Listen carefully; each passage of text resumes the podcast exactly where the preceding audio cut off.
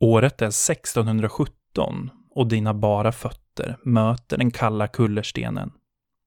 Du hör hur folkmassan skanderar ditt namn och hur de skriker ut sitt hat. Det enda som håller dem tillbaka är kronans män.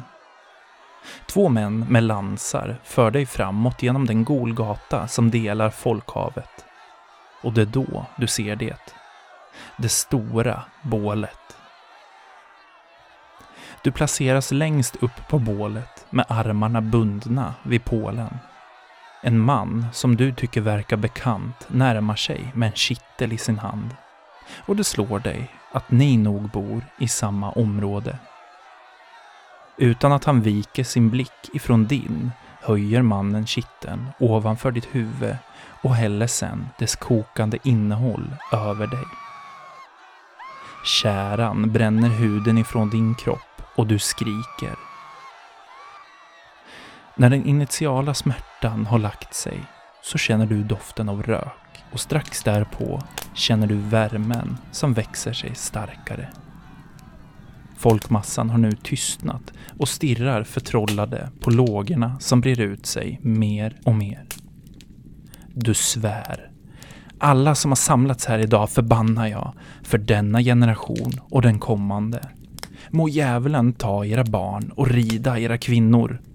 Det är de sista orden som du yttrar innan din kropp antänds av lågorna.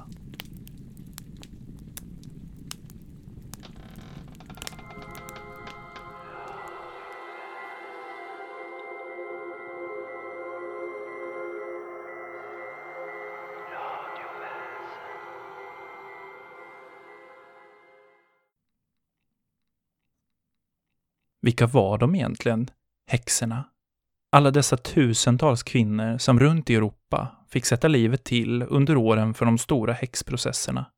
Och vad var egentligen deras brott? I Sverige så var häxprocessen aktiv mellan 1492 och 1704 och då avrättades nästan 400 personer. Under åren 1668 till 1676 så rådde det en häxhysteri i Sverige som fick namnet Det stora oväsendet. Och dokument pekar på att så många som 300 personer avrättades under de här åtta åren. Och det här är ändå ett rätt blygt antal i relation till antalet häxprocesser som skedde i övriga Europa. De stackarna som fick sätta livet till under häxprocesserna kunde vara helt vanliga personer som föll offer för förtal, ryktespridning eller personer som har gjort en god gärning och botat en sjuk på kanske ett icke-traditionellt sätt. I Sverige under den här tiden var det svårt att besöka en läkare. Dels för att välfärdssystemet inte var utvecklat och det var dyrt, eller så var det långa resor. Många förlitade sig därför på de kloka. Den kloka var ofta en kvinna, även om män också förekom, och var en person som ofta använde bland annat huskurer och naturens växter för att lindra eller bota sina klienters åkommor. Ibland användes också helande krafter, likt det vi idag kallar för healing. Inte allt för sällan fick också den kloke agera barnmorska när andan föll på och det nya ville komma till världen. Och på så sätt så var faktiskt de kloka i många avseenden någon som man faktiskt hade hög tilltro till och litade på när det krävdes. Hur de kloka hade kommit över sina kunskaper och sin vishet är det egentligen ingen som riktigt vet. Några blev upplärda av sina föräldrar och andra lärde sig genom att gå lärling hos en av de kloka som sökte en efterträdare.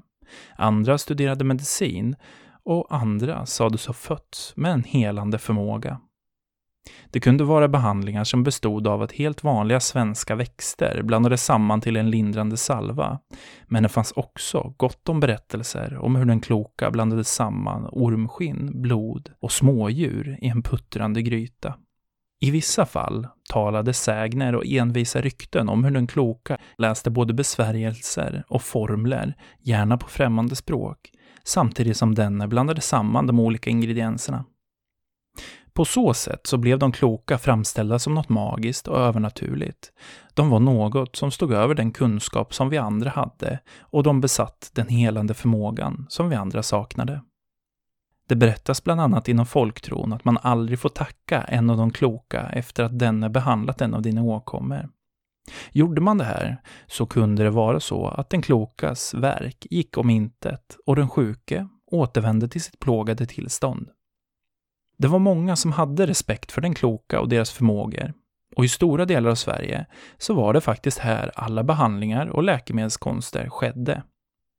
Men i dåtidens Sverige så var kunskap en maktfaktor och det kanske var därför som de kloka ofta blev anklagade för samröre med djävulen och att bruka svartkonst. Att vara en av de kloka var en utsatt position. Man kunde bli utstött från det vardagliga samhället och ansågs vara lite av en kuf. De var också offer för konflikter på grund av just deras kunskaper och beskylldes för att ha bringat olycka över individer genom häxeri. Många av de kloka fick tyvärr också sätta livet till under tortyr, halshuggning, hängning eller genom att brännas till döds på bål.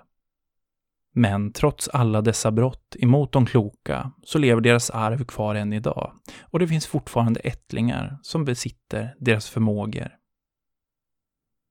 När häxprocesserna rasade som värst i Sverige så var det, ironiskt nog, en väldigt hög efterfrågan på de klokas kunskaper. En efterfrågan som var högre än någonsin. Den enkla orsaken till att efterfrågan ökade var att om nu så många dömdes för trolldom, både onda och med goda avsikter, så måste det ju fungera. Om man då var allvarligt sjuk så kunde det helt enkelt vara så att det här var en risk som var värd att ta. I dagens avsnitt kommer ni få höra en berättelse som är skriven av Peter Westberg. Peter har varit med tidigare här i podden då han i förra avsnittet hade skrivit Isolator. Den berättelse som ni idag kommer få höra gräver både i det förflutna och nutida kring våra häxprocesser. Här i Radioväsen ger jag er nu exklusivt berättelsen Baltora. Jag har alltid fascinerats av det övernaturliga. Under uppväxten har jag själv upplevt ett och annat, om än inget häpnadsväckande. Spöken är väl det som har fascinerat mig mest. Förlåt, jag menar såklart gengångare. Spöken, det låter som något som är taget ur en barnbok. Spökena på Lanzarote eller något i den stilen. Häxor, däremot, är något jag aldrig intresserat mig för. Och detta, trots den hemska historien som detta ord har att erbjuda. Vi har alla hört talas om häxprocesser, häxbål, oskyldiga kvinnor som bränts levande, oskyldiga kvinnor som torterats med glödande spett i jakt på djävulens märke, eller som dränkts i färd med att bevisa att en häxa allt flyter till följd av sin låga vikt. Det var egentligen först när jag träffade min flickvän Katarina som detta började intressera mig. Missförstå mig inte. Jag anklagar inte min bättre hälft för att vara en häxa i något av ordens många bemärkelser. Tvärtom. Hon är fantastisk. Även om hennes far av en outgrundlig anledning föredrar att kalla mig penis framför mitt riktiga namn. Katarinas föräldrar bor i Baltora, i utkanten av Norrtälje. Långt utav helvete, men sjukt mysigt och främst, man kan nå skärgården med båt på bara 20 oslagbart. Något som jag dock lyckas läsa mig till, utan att avslöja för Katarina eller någon i vår närhet, är att området kring Baltora sägs vara ett bortglömt häxnäste. Under åren 1675 till 1676 så avrättades minst ett dussintal kvinnor i området, antingen brända vid bål, halshuggning eller dränkta i Norrtäljeviken. Det är knappast en vacker historia att berätta för sina barnbarn, så jag förstår att man har velat begrava den. Men tro mig, anteckningar från den här tiden går att få tag på om man verkligen vill. De anteckningar jag lyckas hitta berättar om en präst vid namn Håkon Angarn som under 1600-talets slut ansvarat för den stora häxjakten som skett i området. Främst anklagades dessa häxor och även trollkarlar för att ha förstört flertalet skörder och även besudlat vattnet kring Baltoras egen lilla vik. Dessa historiska dokument kartlägger hur åren 1675 och 1676 präglats av oerhört dålig skörd på grund av en plötslig värmebölja, samt att viken drabbats av onaturlig besudling med märklig påväxt och knappt farbart vatten som följd. Detta hade också medfört ovanligt hög dödlighet bland kreaturen i området. Under en släktmiddag hos Katarinas föräldrar fick jag för mig att fråga hennes mormor. Hon har ändå bott i området så gott som hela sitt liv. När jag, kanske inte helt graciöst, styrde om vårt samtal ifrån att handla om vår fina lägenhet i Sumpan till gamla historier om häxor fick hon genast en rynka mellan ögonen. Något i hennes röst förändrades och jag kände direkt att jag klivit in i något som hon inte ville att jag skulle nysta i. Men skam den som ger sig.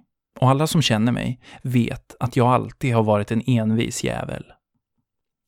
Kanske tröttnade hon på mitt lågmälda tjat och möjligtvis hjälpte rödvinet till att lossa tunghäftan, för snart så berättade mormor Margareta allt.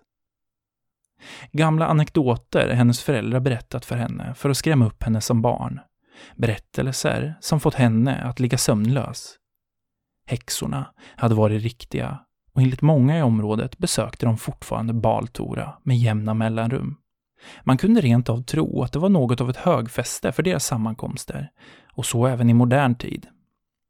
Konstiga ljud från mörka skogar om natten, dov sång, klaganden, fackeltåg i skogen, offrade djur vars kroppar återfunnits dränerade på blod, återkommande mörka berättelser och mystik som rörde sig i skogarna, men även om goda händelser.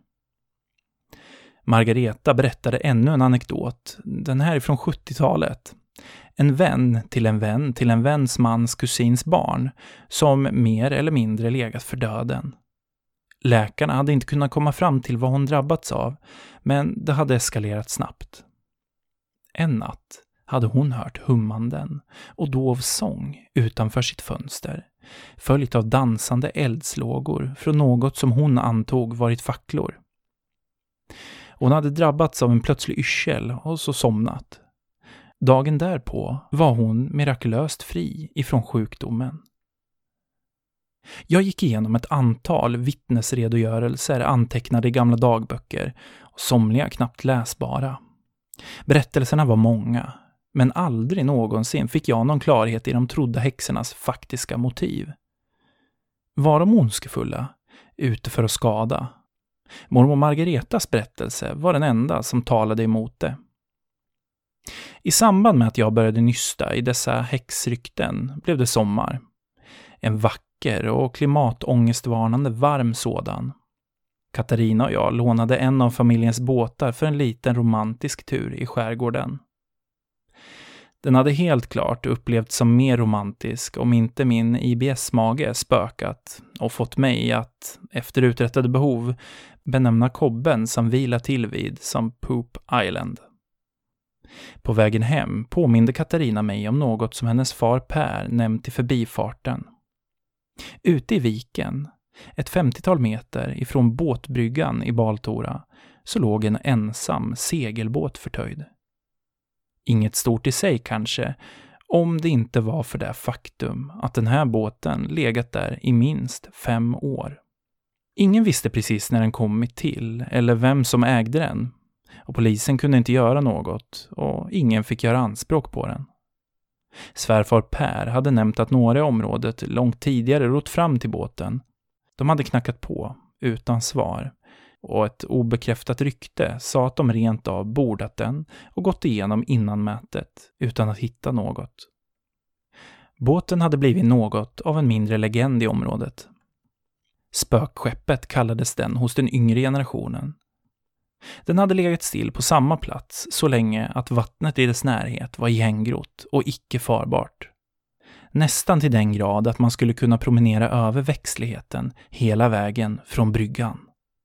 Nej, okej. Okay. Något överdrivet, jag vet. Men det var så här man skämtade om båten. Ni förstår ju naturligtvis att denna segelbåt intresserade mig från dag ett. Jag höll koll på den. Varje gång vi besökte Baltora och övernattade i Katarinas lilla stuga nedanför päronens hus så brukar jag slinka ut nattetid. Jag rörde mig mellan träden, iakttog båten och låt mig säga att jag sällan blev besviken. Även de gånger då jag inte fick se något speciellt så omgärdades jag av en både mystisk, härlig och obehaglig stämning. Kanske var det enbart min egen fantasi som satte igång och lyckades få till den, men inte mig emot. Vid ett tillfälle skedde dock något. Det här var, utan att låta som en begynnande klyscha, Alla helgona-helgen 2019. Jag och Katarina hade i vanlig maner åkt Stockholm runt och satt ljusmarschaller och blomsterarrangemang hos våra avlidna mor och farföräldrar och sen retirerat till lugnet i Baltora. Efter en middag med svärföräldrarna, ett par glas rödvin och en film i stugan så låg jag rastlös intill min snarkande bättre hälft. Efter en halvtimmes försök att somna beslutade jag mig för en liten promenad och klädde således på mig. Det var becksvart ute. Men tack och lov hade jag lyckats få med mig min egen pannlampa. En känsla av mystik vilade över den mörka, råa höstnatten. Träden låg insvepta i en slöja av dimma och jag fick treva försiktigt för att inte snava över en rot eller sten. Jag hade inte gått längre än hundra meter upp i skogen ovanför svärföräldrarnas hus innan jag blickade ut över ett öppet fält upplyst av facklor. Jag stannade tvärt, stängde av pannlampan och såg hur en liten procession rörde sig fram över gräset. Ett tiotal personer klädda i ljusblå dräkter. Den främsta av dem verkade ha ett gethuvud som mask medan de övriga i sällskapet gick barhuvade. Dov sång hördes i natten. För dov för att orden skulle uppfattas. De rörde sig långsamt och de brinnande facklorna verkade även de vara en del av numret då de vajade rytmiskt från höger till vänster medan getmannen plötsligt släppte ur sig ett gutturalt bröl. Med mig hade jag farfars gamla kikare och försökte fokusera linserna någorlunda för att få en klarare bild över vad det var som skedde. Just som jag hade fått in fokus så noterade jag att hela sällskapet vänt sina huvuden i min riktning. De stod samtliga, blickstilla, medan facklornas eldar dansade i den svaga vinden.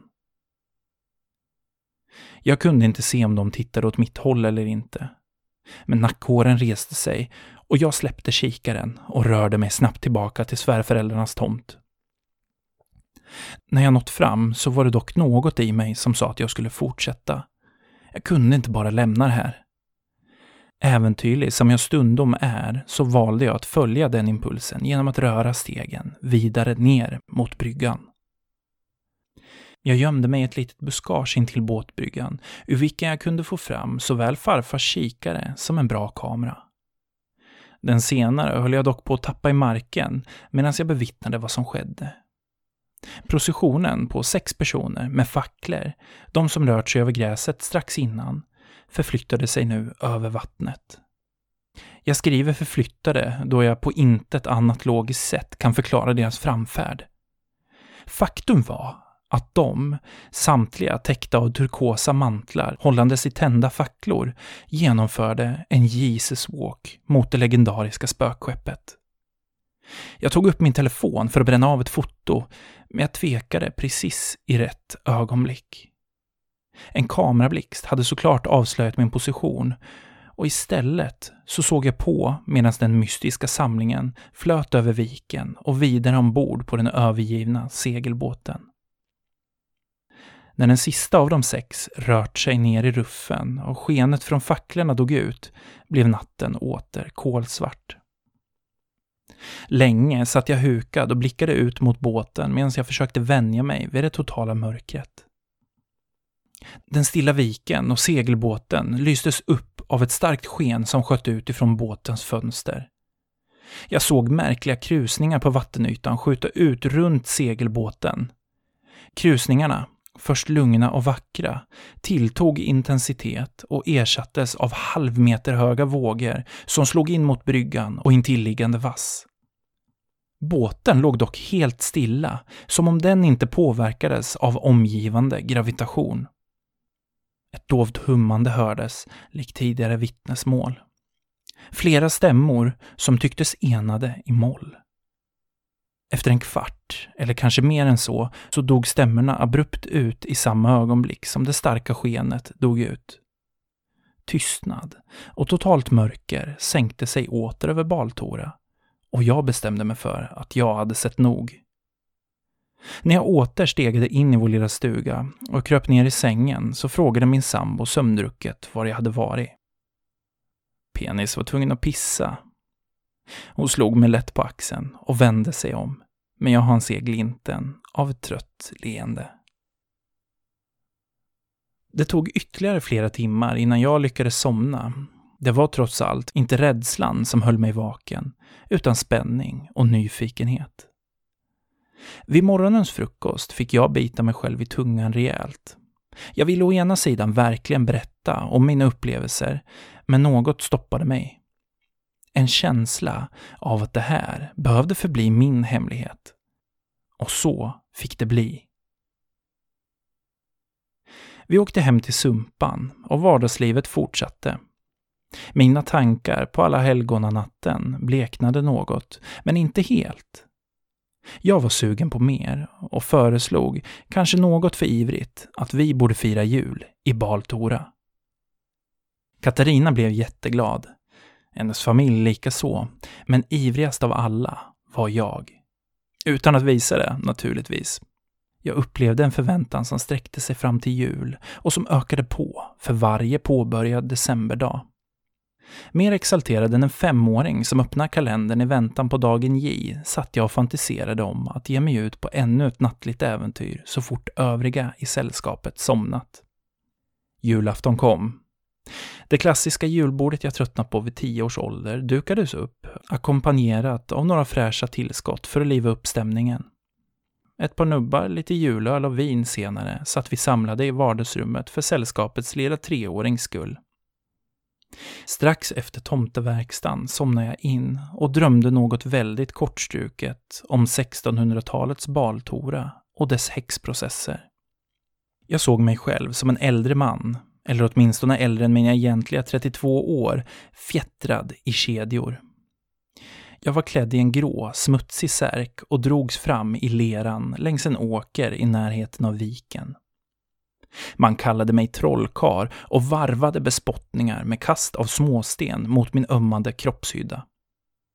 I ögonvrån kunde jag se resterna av tre häxbål och den kvarvarande, stickande, vämjeliga stanken av bränt kött. Min syn var grumlig, men jag såg klart den galge mina banemän släpade mig till. Jag skulle hängas. Det mumlades till höger och vänster om att fördriva djävulen och rena Baltora ifrån synd. Just som hängsnaran snördes om min nacke spratt kroppen till. Jag blinkade och fick syn på en fult animerad figur, återgiven i hög upplösning. Pulsen sänkte snabbt när jag insåg att jag vaknat ur mardrömmen och funnit mig i slutet av den dyraste, mest uttjatade reklamfilmen i svensk historia. Somnar du penis? frågade svärfar och klappade min axel. Jo, tack och lov, svarade jag och blicken jag mötte bekräftade att även han tillbringat åtminstone en halvtimmes kvalitetstid i sina drömmar. När treåringen slitit presentpappret av ett antal kartonger för att sedermera sövas i sin säng började övriga sällskapet också se sömniga ut. Jag njöt i fulla drag, hällde upp lite påtår i samtligas vinglas, men valde att avstå mitt eget. Missförstå mig rätt. Jag tycker mycket om vin, men denna julaftonsnatt var min. Det handlade om att behålla fokus och energi för det nära bestående äventyret i natten. Nära midnatt stod det klart att partyt var över. Morföräldrarna hade lämnat oss och nog hade jag känt mormor Margaretas blick spänna lite extra i min. Inte så att de andra såg, men någonstans, bakom all vänlighet, så hade jag lagt märke till något mer. Jag och Katarina hälsade godnatt efter tandborstningen och toalettbesök. Vi begav oss ner till stugan och efter en stunds kramande i den härligt småkyliga konstruktionen hörde jag hennes snarkande tillta. My time to shine, tänkte jag och klädde på mig så tyst som möjligt. Jag lyfte ur den lilla ryggsäcken med kikare, pannlampa, ficklampa och kamera som jag hade förberett och stoppat ner i sportbagen. Långsamt och försiktigt tryckte jag upp dörren, klev ut på altan och kände den råa vinterkylan slå tillbaka. Just som jag stängt till hördes en bekant röst viska i mörkret. Jaså, du är också uppe? Rösten tillhörde Elias, som lämnat intilliggande stuga för en nypa frisk luft. Eh, jo, viskade jag tillbaka. Kunde inte sova. Eh, tänkte ta en liten promenad. Jag såg hur Elias fick syn på min ryggsäck och att något i hans blick tycktes glimma till. Baltårahäxorna? Frågan nådde mig som ett slag i solarplexus. Eh, va? Eh, ja? Fick jag ur mig mellan ansträngda andetag. Elias såg nöjd ut och satte en hand på min axel. Vänta här. Jag ska bara klä mig lite varmare. Med de orden rundade han husknuten och öppnade dörren till deras stuga och inte mer än 30 sekunder senare dök han upp i vinterbonad. Jag har alltid velat utforska det här, sa han och såg på mig. Du är inte ensam om att ha nystat i hemligheten, ska du veta. Jag har också sett de där nattliga processionerna, gethuvudet, lyktorna, allt. Men båten, den är något nytt. Jag och Elias lämnade altanen, ställde oss nere på den nyplogade grusplanen och pratade vidare. Det visade sig att han också hade lyckats koppla ihop de mystiska processionerna med den övergivna segelbåten, vilken lokalbefolkningen gjort sken av var mystisk även för dem.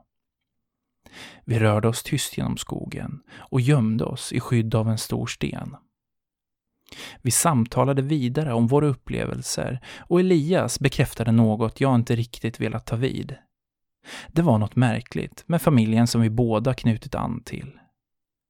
Merparten av dem hade behandlat ämnet med inte bara skepsis, utan rent av okunskap.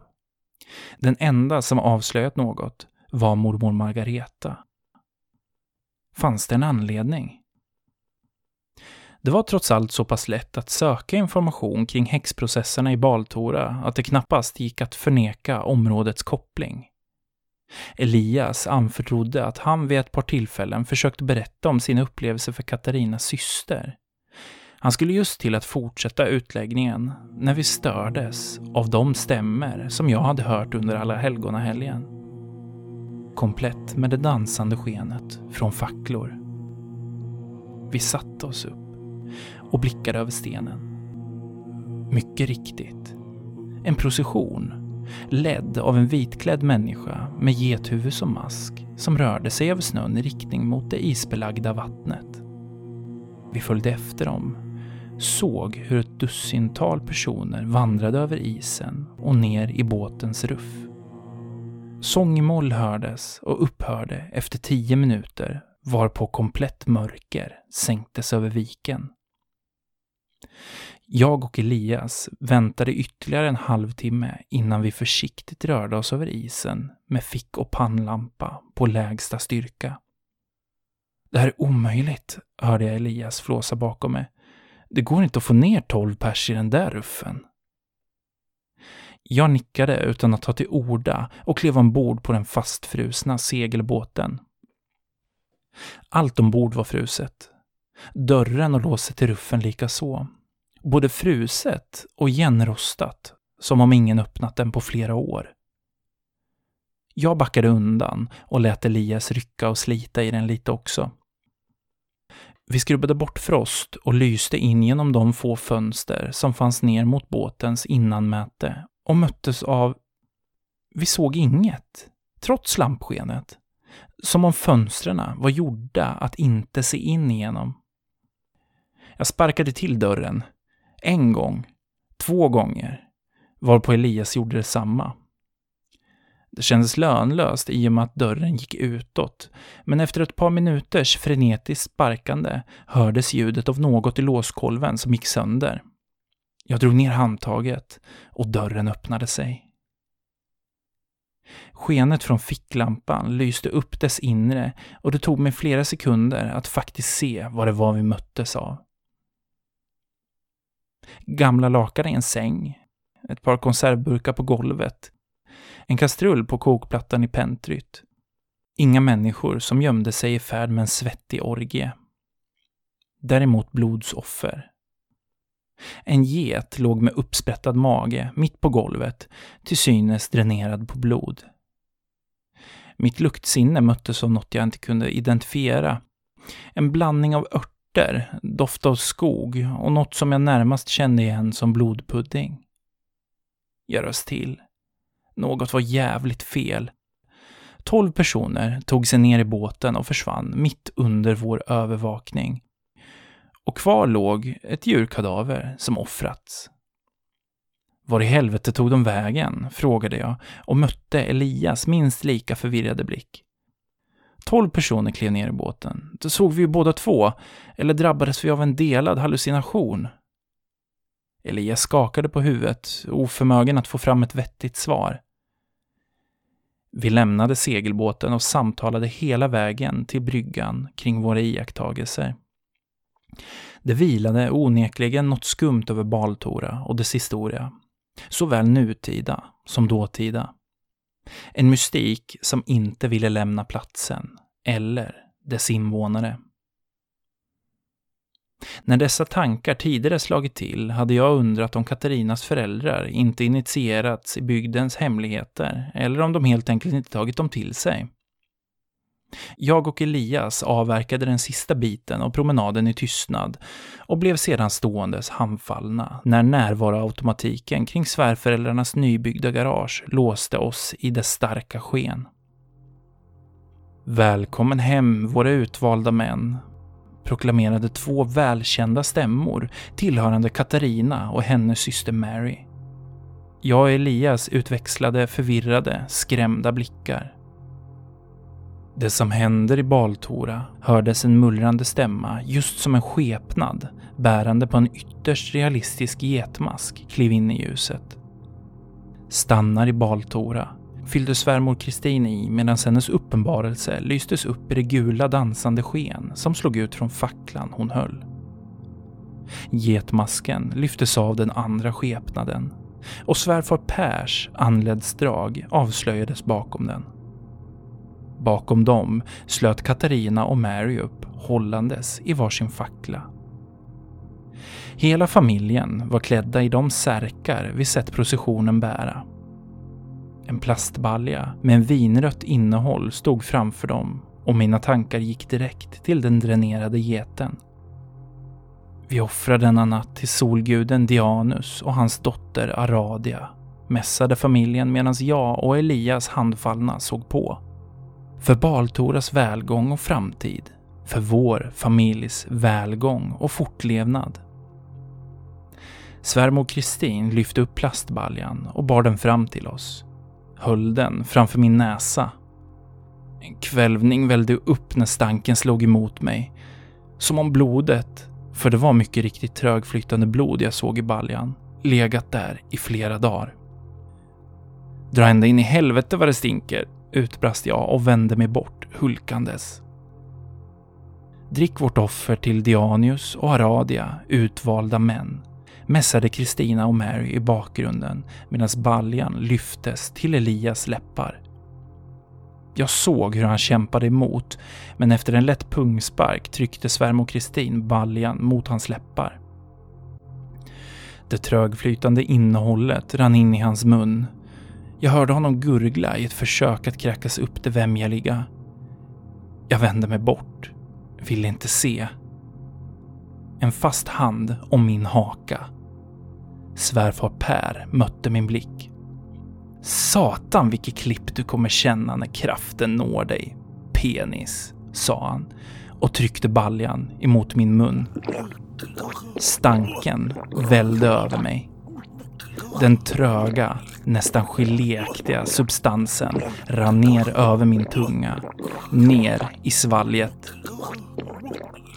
Och världen svartnade.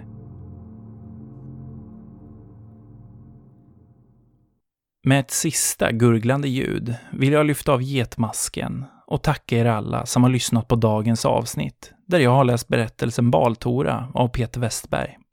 Kontaktuppgifter till oss båda hittar ni på sociala medier, där jag heter Radioväsen. Och snälla ni, gå in på iTunes och berätta för vänner, vålnader, gastar och kanske till och med farmor om att radioväsen existerar så att fler hittar hit. På www.patreon.com radiovasen kommer ni att kunna höra hur jag gräver i vår svenska historia och pratar om häxprocessen i Trollkärringeskogen i Finspång i Östergötland. En väldigt mörk och skrämmande berättelse om olika livsöden. Gå in och bli månadsgivare för ett par tior för att kunna ta del av det här och mycket annat och för att kunna stötta podden till att bli ännu bättre. Extra stort tack till Jane Goodman och Peter Westberg som stöttar podden via Patreon. Ni är bäst, på så många olika sätt. Slutligen ett meddelande. Jag har tillsammans med Emil Eriksson, som har podden Monsterboxen, och Peter Westberg skapat en bössa i insamlingen till Musikhjälpen. Musikhjälpen har varje år ett tema på sin insamling och i år är temat Sex är inte ett vapen. Vi har valt att döpa vår bössa till Skräckhjälpen. Om du tycker att vår bössa verkar schysst och att det här temat är något du vill stötta, så gå då in på musikhjälpen.se och sök fram bössan Skräckhjälpen. Ni har lyssnat på Radioväsen och jag heter Erik Ekblad. Vi hörs igen om två veckor.